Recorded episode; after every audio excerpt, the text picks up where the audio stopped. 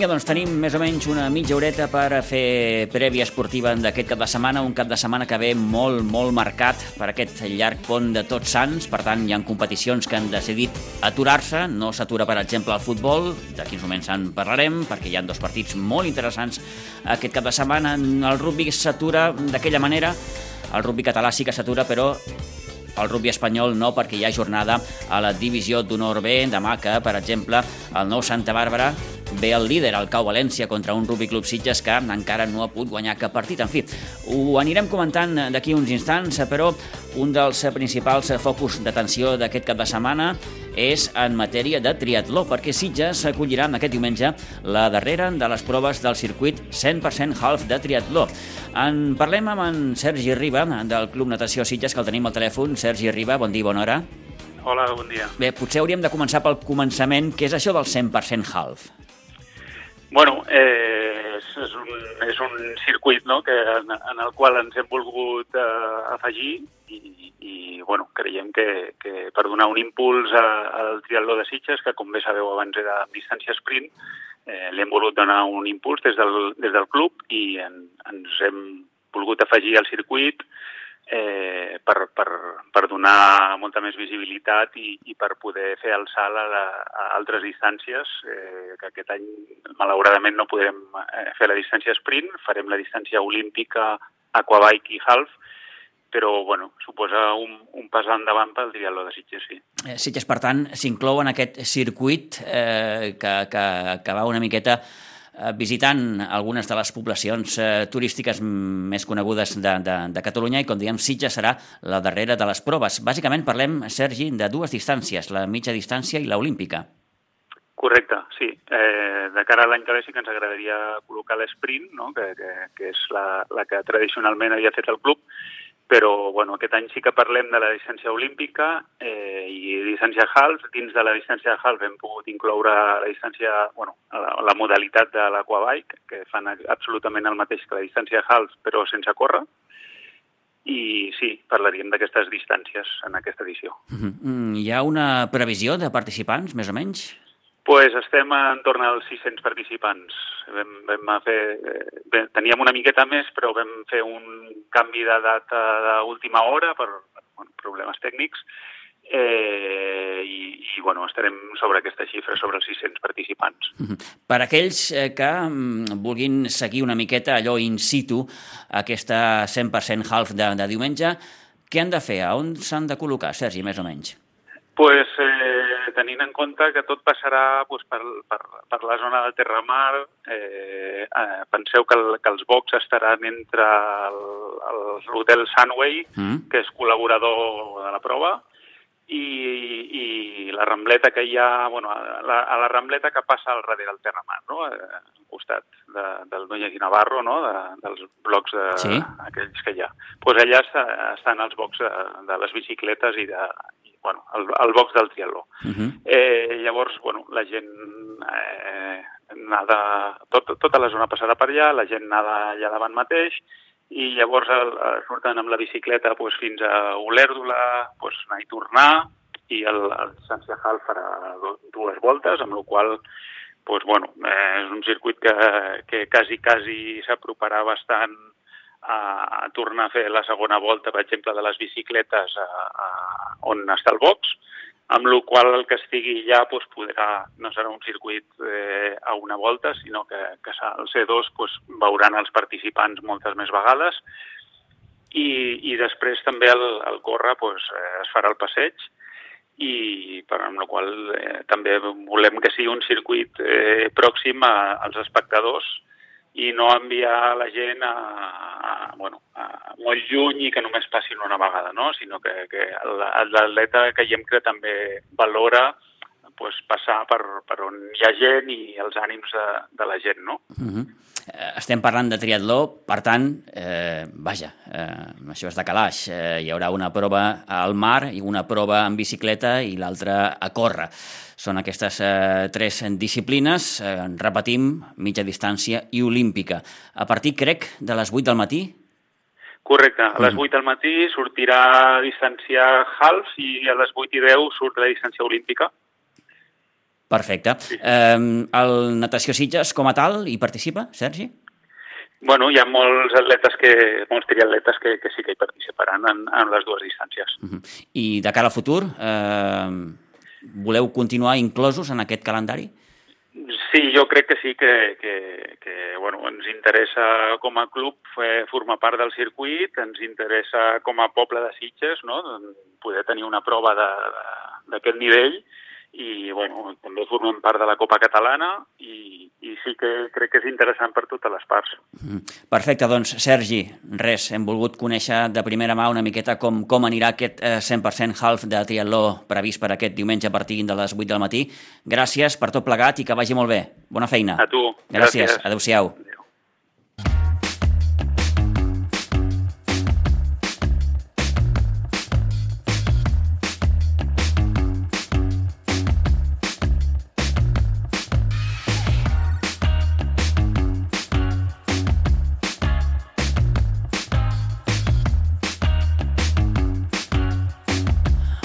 I gairebé 9 minuts del matí. El futbol no s'atura en aquest cap de setmana, per tant tenim futbol base i el futbol eh, de territorial. En futbol base recordem que la preferent de juvenils es disputa la jornada número 6, sí que amb el juvenil A de la Blanca després de la seva gran victòria 1-2 el camp del Nàstic B la setmana passada en rep demà dissabte el Nou Pinsbens a partir de les 5 de la tarda amb la Floresta. La Floresta que ara mateix ocupa el desè lloc a la classificació amb 6 punts. La Blanca, com dèiem, ve de sumar els seus primers 3 punts després d'aquesta victòria davant el Nàstic B. Per tant, demà, partit del juvenil A davant la Floresta amb el Nou Pinsbens a partir de les 5 de la tarda. La resta de partits ens els comenta, com sempre, l'Isidre Gómez. Isidre, bon dia, bona hora. Hola, molt bon dia. Hem començat eh, recordant aquest partit del juvenil A, que torna a jugar dissabte. No sé si dissabte a les 5 de la tarda serà el nou horari ja eh, previst per als partits del, del juvenil A o no? En principi no. En principi no, val. A vegades hem d'anar ajustant, com que ja saps que el Rafa porta també un altre equipet. D'acord. Hem d'anar ajustant a vegades les agendes dels entrenadors. Dels entrenadors. Molt bé, perfecte. Doncs ho tornem a repetir. El juvenil juga demà, el juvenil A, al Nou Pinsfens contra la Floresta a les 5 de la tarda. El que dèiem, la resta, Isidre. Doncs pues mira, el juvenil B no jugarà al cap de setmana, sinó que s'ha plaçat fins al 2 de novembre, que jugarà al camp del Bassa Olèrdola a les 8 i mitja del vespre. En categoria cadet, el cadet A juga diumenge a les 11.40 al camp de la Fundació Unió Esportiva Cornellà. El cadet B també ens juga diumenge a les 12 del migdia a Pinsbens contra el Cubelles A. En categoria infantil, l'infantil A jugarà a Pinsbens a les, diumenge a les 10 del matí contra la Floresta, o sigui, els, els dos preferents contra la Floresta aquesta uh mhm. -huh. setmana. Casualitats. L'infantil B ens jugarà dissabte a les 9 del matí al camp de la Fundació Atlètic Vilafranca C i finalment l'infantil C ens jugarà dissabte a les 5 de la tarda al camp de l'Hortonenga. En categoria Levin, a la Levina jugarà el dissabte a les 15.30 a la camp de la Fundació Unió Esportiva Cornellà, en aquest cas el G. A la Levin B ens jugarà dissabte a l'una al migdia a Pinsbens contra el Recreatiu Sant Feliu de Llobregat. El C ens jugarà dissabte també a les 12 del migdia a Pinsbens contra el sector Montserratina A. El D també dissabte a les 10.30 a Pinsbens contra el base Mar Bartra G. I finalment a l'E diumenge a les 12 del migdia contra la Unió Esportiva Sitges al municipal d'Iguadols. En categoria Benjamí, el Benjamí A jugarà diumenge a les 11 i quart contra l'Atlètic Cubelles, el municipal de, de Cubelles. El Benjamí B ens jugarà dissabte a les 11.45 a Pinsbens contra l'Atlètic Sant Just. El C ens jugarà dissabte a les 12 del migdia al camp de la Granada. I finalment el D ens jugarà demà dissabte a Pinsbens contra el Bas Olerdolà. I com sempre començarem la jornada amb els partits de les seleccions de promeses i pitufos per anar intentant ja començar la nostra lliga social. Per intentar ja engegar un any més el torneig social del, del Nou Pinsbens. Doncs eh, fins aquí aquest repàs de partits eh, pel que fa als equips de la Blanca. Ens ha informat, com sempre, puntualment l'Isidre Gómez. Isidre, moltíssimes gràcies i bon cap de setmana. Gràcies a vosaltres. Adéu-siau.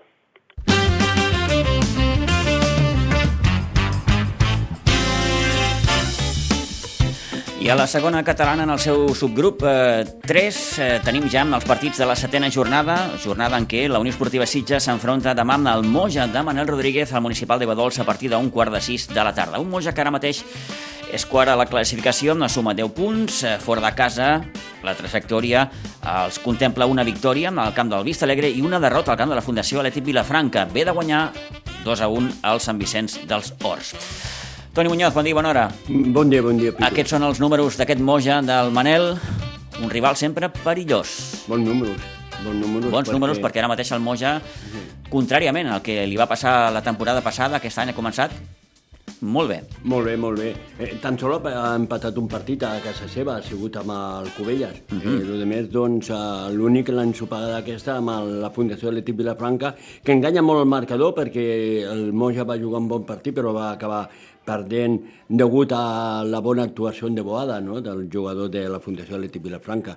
Però és un molt bon equip, té bons jugadors, té jugadors de Sitges que coneixen molt bé doncs, la temàtica, doncs, el que és el futbol. Sense anar més lluny, eh, un ex dels Sitges, Martí Ferret. Martí Ferret, Martí Ferret i segur que sortirà per totes els minuts que li doni Manel. I a més a més el Manel, no? que és un entrenador doncs, que ha passat per Sitges un grapat d'anys. Si algú coneix els Sitges, aquest és el és Manel. És el Sitges, sí, sí, sí. és el Manel, uh -huh. no? Eh, coneix molt bé tot, si n'hi ha espai, si no hi ha espai, com col·locar l'equip, i no serà un partit fàcil pel Sitges, el que passa que el Sitges ha de passar per el millor moment i potser això doncs, eh, beneficiarà els Sitges i pot perjudicar en alguna cosa a la fundació, no? però un equip de manera és molt complicat guanyar-lo. Eh? Eh, temporada passada eh, complicada per al conjunt del Moja, va acabar cinquè per la cua, va patir, va patir per mantenir la categoria en el doble enfrontament amb els Sitges. Recordem que a Aigua Dolça el Sitges va guanyar per 4-3 i va acabar perdent 1-0 a Moja, per tant, dos duels bastant igualats en aquest sentit. Sí, a més el partit de Moya va marcar la trajectòria dels Sitges. Eh? Sí, senyor. A partir, sí, senyor. De, a partir d'aquella derrota, doncs el Sitges va aixecar cap i... Van venir aquell seguit de derrotes consecutives, tantes Correcte. com quatre. I això doncs, eh, va ser... Va marcar va... molt el destí del, de l'equip. Correcte, li va passar nota als Sitges, no?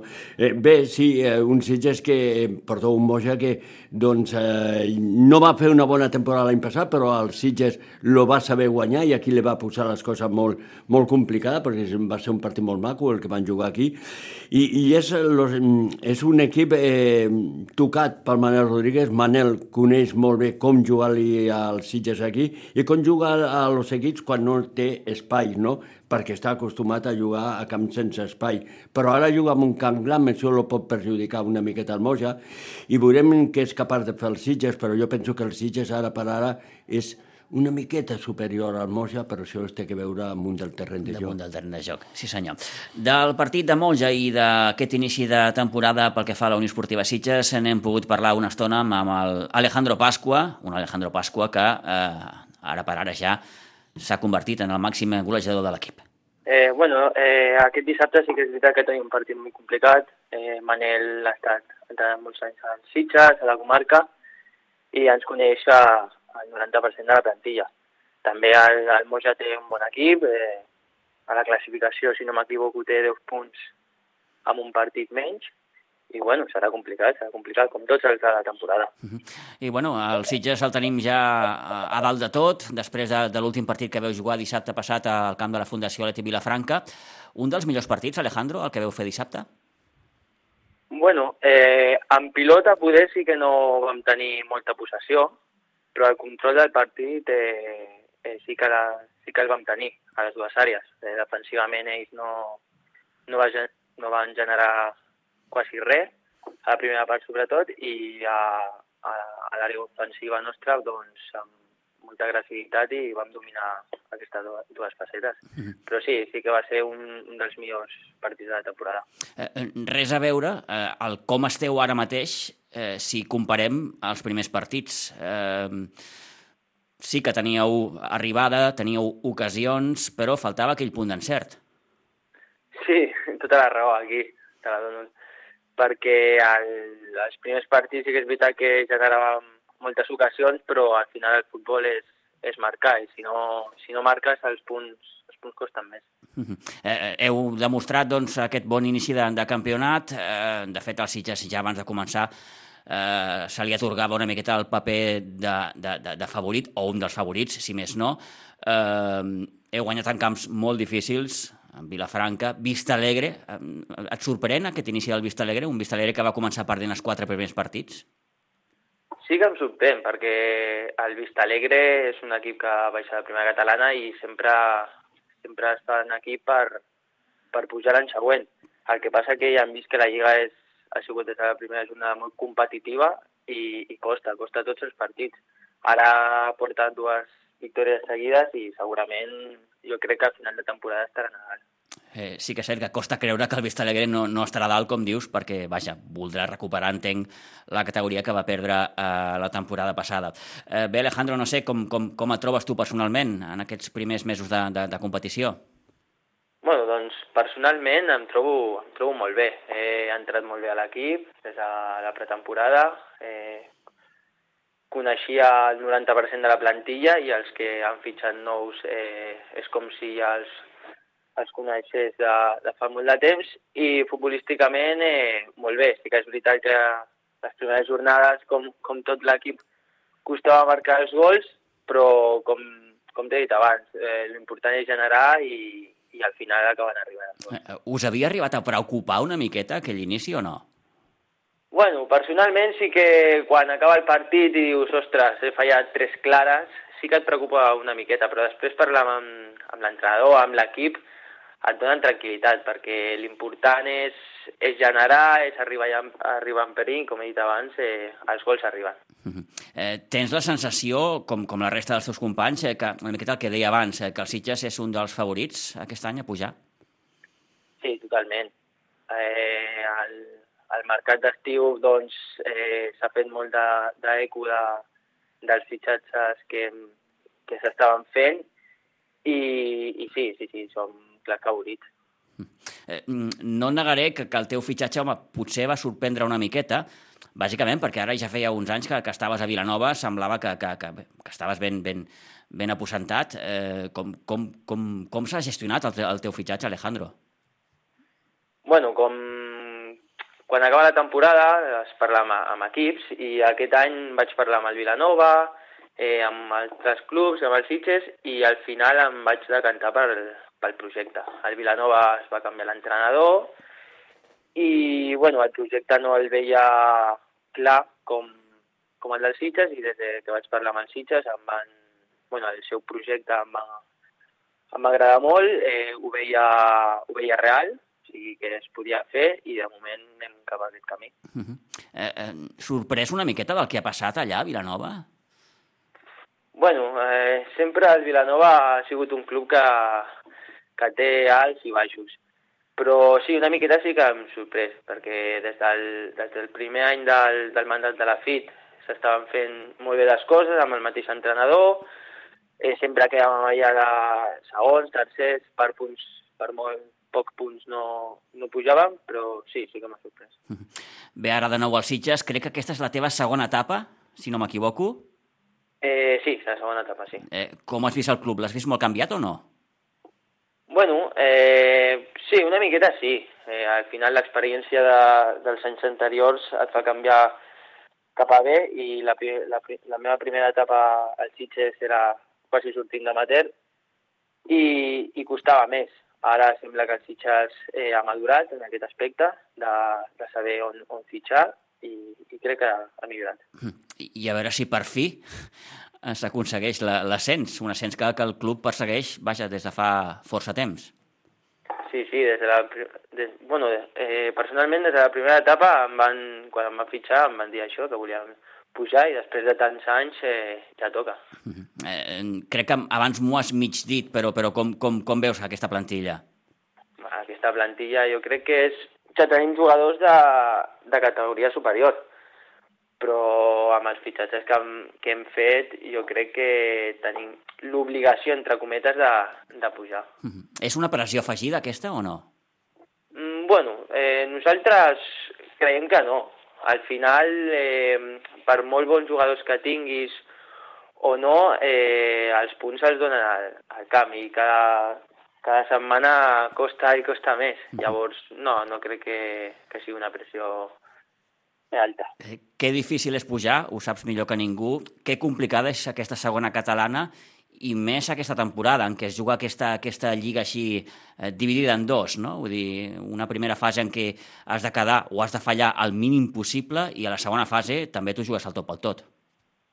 Doncs sí, perquè a, a més aquesta lliga és, és, molt, és molt curta, 20 partits només, i si tens una mala ratxa o, o acumules partits perduts o sense puntuar, eh, vas cap a baix.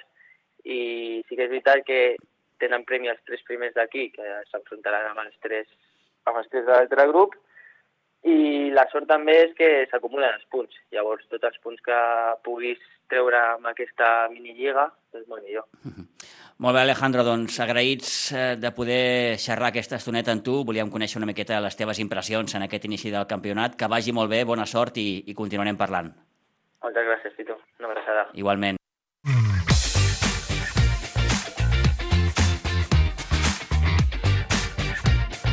Bé, doncs Alejandro Pasqua, ara mateix màxim golejador del Sitges amb 3 gols. Li va costar veure porteria, com comentava, però Toni, un cop ha obert ja la llauna, és, és un jugador amb, amb unes garanties increïble. Sí, Ara sí. ho comentàvem, un jugador ja madur, sí. experimentat, amb, bé, ha jugat a primera catalana amb el Vilanova. Vaja, Sí, s'ha fet molt. És un jugador doncs, que l'ha molt bé el fet de jugar en aquesta primera catalana eh, perquè s'ha fet més, no? I a més és un jugador que té tot, no? Té tècnica, desequilibri i a més a més té velocitat, no? És un molt bon jugador, porta tres partits consecutius marcant i això al Sitges va, le va de perilles. De fet, és un jugador que es nota molt en el sistema ofensiu. No sabem l'11 que traurà demà Toni Salido davant el Moja, però mm, jo diria que Alejandro Pasqua i Déu més. Sí, sí, sí, I jo estic d'acord amb tu. eh, posaria la mà al foc. Demà un quart de sis, aquest de Sitges Moja. I a tercera catalana, Toni, tenim un derbi demà al Bosc de Plaça de Sant Pere de Ribes. Llàstima que gairebé coincideixen en, en dia i hora, perquè el derbi de demà entre el Ribes i el Sitges B començarà a les 5 de la tarda, per, per tant, hauran de triar si ho era el Ribes Sitges B o el Sitges Moja. Uh, un Ribas, ara li preguntava al Toni, que ha jugat la majoria de partits al seu camp, 5 dels 6 partits els ha jugat al seu camp, mm, coses de, de, de que passen que, que els teus rivals doncs, estan fent obres al, als seus respectius terrenys de joc i per tant això ha obligat el Ribas a jugar la majoria dels, prim, dels primers partits aquí al Bosc de Plaça. El balanç és de 3 victòries, dues derrotes i em deia el Toni ara, mm, veig un pèl millor al Sitges B. Sí, sí, a veure, jo he vist el Ribas, l'he vist diferents partits, és un equip que és molt fidel al seu entrenador, el Xavi Garcia, és un equip que, que no dona mai el partit eh, pel perdut, però per plantilla, per més jugadors, per canvis, per tot això, jo veig que el Sitges, ara per ara, en millor moment, no? De fet, estat... Eh, si mires els números d'un i l'altre, doncs el Sitges és superior al Ribas. Ara mateix el Ribas és setè a la classificació, ha sumat 10 punts en aquestes primeres eh, jornades. Al seu camp, com dèiem, ha disputat la majoria dels partits, 5 dels 6, amb un balanç de 3 victòries i dues derrotes. En el doble enfrontament, recordem, de la temporada passada, mm, baixa, màxima igualtat, 2 a 1 a Ribas, 2 a 1 a Iguadols. Sí, sí, sí. Victòria sí. pel Ribas i victòria pel Sitges B. I, de fet, el primer partit que va perdre el Sitges va ser a Ribas, Eh, I Xavi Garcia era l'entrenador en aquell moment, perquè el rus estava fora, Sí, sí, sí, el sí, primer sí. entrenador estava Correcte, Argentina, correcte. i ell va ser el que va portar l'equip. És diferent, aquest any jo penso que el Sitges és més equip que l'any passat. El Sitges l'any passat tenia arribada, aquest any té molt bon jugador i té molta arribada també. Le falta un delanter com el Montmeneo, però jo penso que aquest any està més repartit el gol i marca tothom, no? Jo veig un pelet, un pèl al Sitges superior al Ribas. Doncs veurem què passa demà amb el Bosc de Plaça a partir de les 5 de la tarda. Aquest Club Deportiu Ribes, Unió Esportiva Sitges eh, B, partit, com dèiem, de la setena jornada al grup 12 de tercera catalana.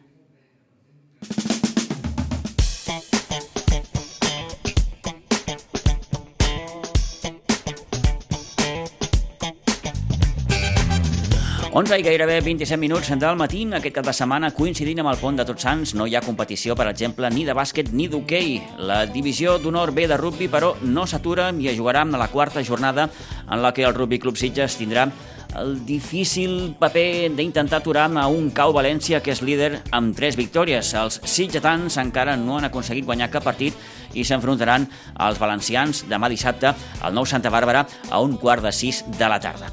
I acabem amb un apunt d'hoquei, ja que eh, Sunway, que s'ha convertit en el principal patrocinador del Club Patí Subursitges, eh, organitzem a finals del mes de desembre el primer torneig internacional d'hoquei, concretament del 27 al 29 de desembre. Abans d'ahir, Eh, Jofre Vilà, Carles Busquet i Rubén Garcia, en representació del Club Patí Subursitges, el regidor d'Esports Jaume Monasterio i Òscar Stover, propietari de l'Hotel Sangway, es van reunir amb Òscar Saldanya, directiu de la Federació Catalana de Patinatge, per presentar un projecte que, segons assenyala el mateix Òscar Stover, està orientat a l'esport infantil i del que s'espera que es consolidi i vagi creixent els propers anys. En parlem precisament amb Òscar Stover. Òscar Stover, bon dia i bona hora. Bon dia, Pitu. Eh, en quin moment Òscar Stover pensa en un torneig internacional d'hoquei? Bueno, doncs eh, vam començar a estar en contacte amb, la, amb, amb el Club Hoquei de Sitges eh, i, i bueno, eh, mirant formes de patrocini, mirant formes de col·laboració, pues, se'ns va ocórrer aquesta idea eh, com, com a, per una banda, possible font d'ingressos i segona per desenvolupar el, el coneixement d'aquest esport dins de, dins de Sitges, que és la línia que porta el, el, club, eh, el club local, i eixamplar la base de, de nens que juguen i, i bueno, pues, promocionar aquest esport també localment. No? Mm -hmm. eh, Sangway ja en el seu dia va apostar pel món dels escacs, ara el món de l'hoquei. Sí, sí, mira, sembla que ens, eh, que ens estem ficant una mica en el món de l'esport també. Eh, són esports eh, eh, que podríem dir una mica minoritaris al costat de, del futbol o del bàsquet i en els quals pues, el, el recolzament pues, eh, i, i les coses que es, poden, que es poden fer, sobretot si és en una localitat com Sitges, que té gran atractiu, doncs, eh, doncs eh, sembla que, que tenen bona acollida i aquesta és la intenció. Mm. I mirant una mica de reull, Òscar, mm, se'n parla poc del turisme esportiu. Bé, no sé, no sé si se'n parla poc o molt, però, però és un turisme que també existeix, no? I que, i que en localitats eh, com Sitges doncs crec que tenen molt de sentit i que més ajuden una mica a seguir desestacionalitzant la, la nostra destinació com, com fan també les, eh, les convencions, congressos i de més. No? O sigui que jo crec que és important i tot i que potser no, no és del tamany encara eh, que, pot, que pot ser altre tipus de turisme, doncs crec que està bé apostar per ell i desenvolupar-ho. Uh -huh. Per cert, hem de felicitar també Òscar Stover perquè el torneig internacional Sunway d'escacs de, eh, ha estat eh, triat com a millor torneig internacional, és així? És així, sí. Bueno, de, de, és, és, és el millor torneig de, de l'Estat ja des de fa uns anys. Uh -huh i, i bueno, pues no, no és un objectiu que perseguim, però, però evidentment està bé que, que ho reconeixin, no? I amb la qual pues, bueno, dona, renova les ganes de, de seguir apostant i seguir creixent, no? Eh, jo crec que aquest any ja superarem àmpliament els 500 participants i amb, amb acompanyants i més que venen entre 10 i 15 dies a Sitges en una temporada baixa, o sigui que jo crec que, és, eh, que està bé i és una mostra de turisme esportiu. I la idea amb el, amb hoquei és una mica la, la mateixa, començar doncs, amb aquest eh, torneig eh, internacional amb un esport que, com sabeu, Catalunya és una potència mundial, amb la qual també té atractiu per, per, per equips de fora d'altres països. Doncs, venir una mica el que és eh, el que pot ser, juntament a Portugal, la, la cuna de l'hoquei, i, i bueno, doncs, si funciona, doncs anirem ampliant equips, anirem ampliant categories, i la idea és pues, eh, pues passar aquests tres dies inicials, doncs eh, ja veurem el, el que es pugui créixer. No? Uh -huh. Òbviament, eh, amb, amb la millor de les intencions i dels objectius, no? que, que, el, que el torneig es vagi consolidant i que tingui un llarg camí. Inicialment, Òscar, el, el torneig eh, serà eh, amb equips de formació, diguem-ho així. Són, són categories inferiors, és a dir, eh, mm. serà aquest any, crec, si no m'equivoco, serà categoria Benjamí, i categoria a la vi, que és eh, sots 11 i sots 13 anys. Estem mirant a veure si es pot o no es pot ampliar alguna categoria més. Jo sempre sóc d'intentar ampliar, intentar aconseguir una mica més de gent, una mica més d'equips i tal, eh, però des del club eh, doncs, em paren una mica els peus amb tot el sentit comú i diuen, escolta, anem, anem a fer-ho despacito i buena letra, no? I, i a veure si aconseguim una mica començar amb bon peu i, i segurament tenen raó. Llavors, bueno, hem de, hem de combinar aquestes dues visions, però intentar pensar en això, en, en fer les coses bé i fer-les grans, si podem. No? Eh, suposo que un altre dels, de, de, dels aspectes era trobar unes, unes dates més o menys adients. Eh, si no m'equivoco, el torneig Òscar es jugarà del 27 al 29 de desembre, és a dir, a finals d'any gairebé, eh? Efectivament, és un, és un període on no hi ha competició oficial, que és un tema important per, per, quan, quan es parla de l'esport, no? no, no xocar amb, amb competicions oficials, eh, amb l'esport escolar, a més que permeti desplaçaments i que permeti als nens tenir 3, 4 dies o 5 els que calguin en un futur de, de festa, eh, i bueno, doncs jo crec que a les dates de Nadal no hi havia altres tornejos significatius en el nostre entorn i, i aquí Sitges, com sabeu, doncs encaixa, encaixa força bé, és un període que, que, que, bueno, que està bé si, si poden venir visitants. No? Mm -hmm. Doncs res, hem volgut eh, fer una primera aproximació amb aquest eh, torneig internacional eh, d'hoquei que arriba a Sitges del 27 al 29 de desembre i n'hem volgut parlar, com els dèiem, amb l'Òscar Stover de l'Hotel Sangway. Sangway que eh, aposta, en aquest cas també pel món de, de, de, de l'hoquei, eh, i en aquest cas com a patrocinador i sponsor del Club Patí Subursitges. Òscar Stover, gràcies per aquests minuts, que vagi molt bé i en continuarem parlant. Gràcies a vosaltres. Vagi molt bé.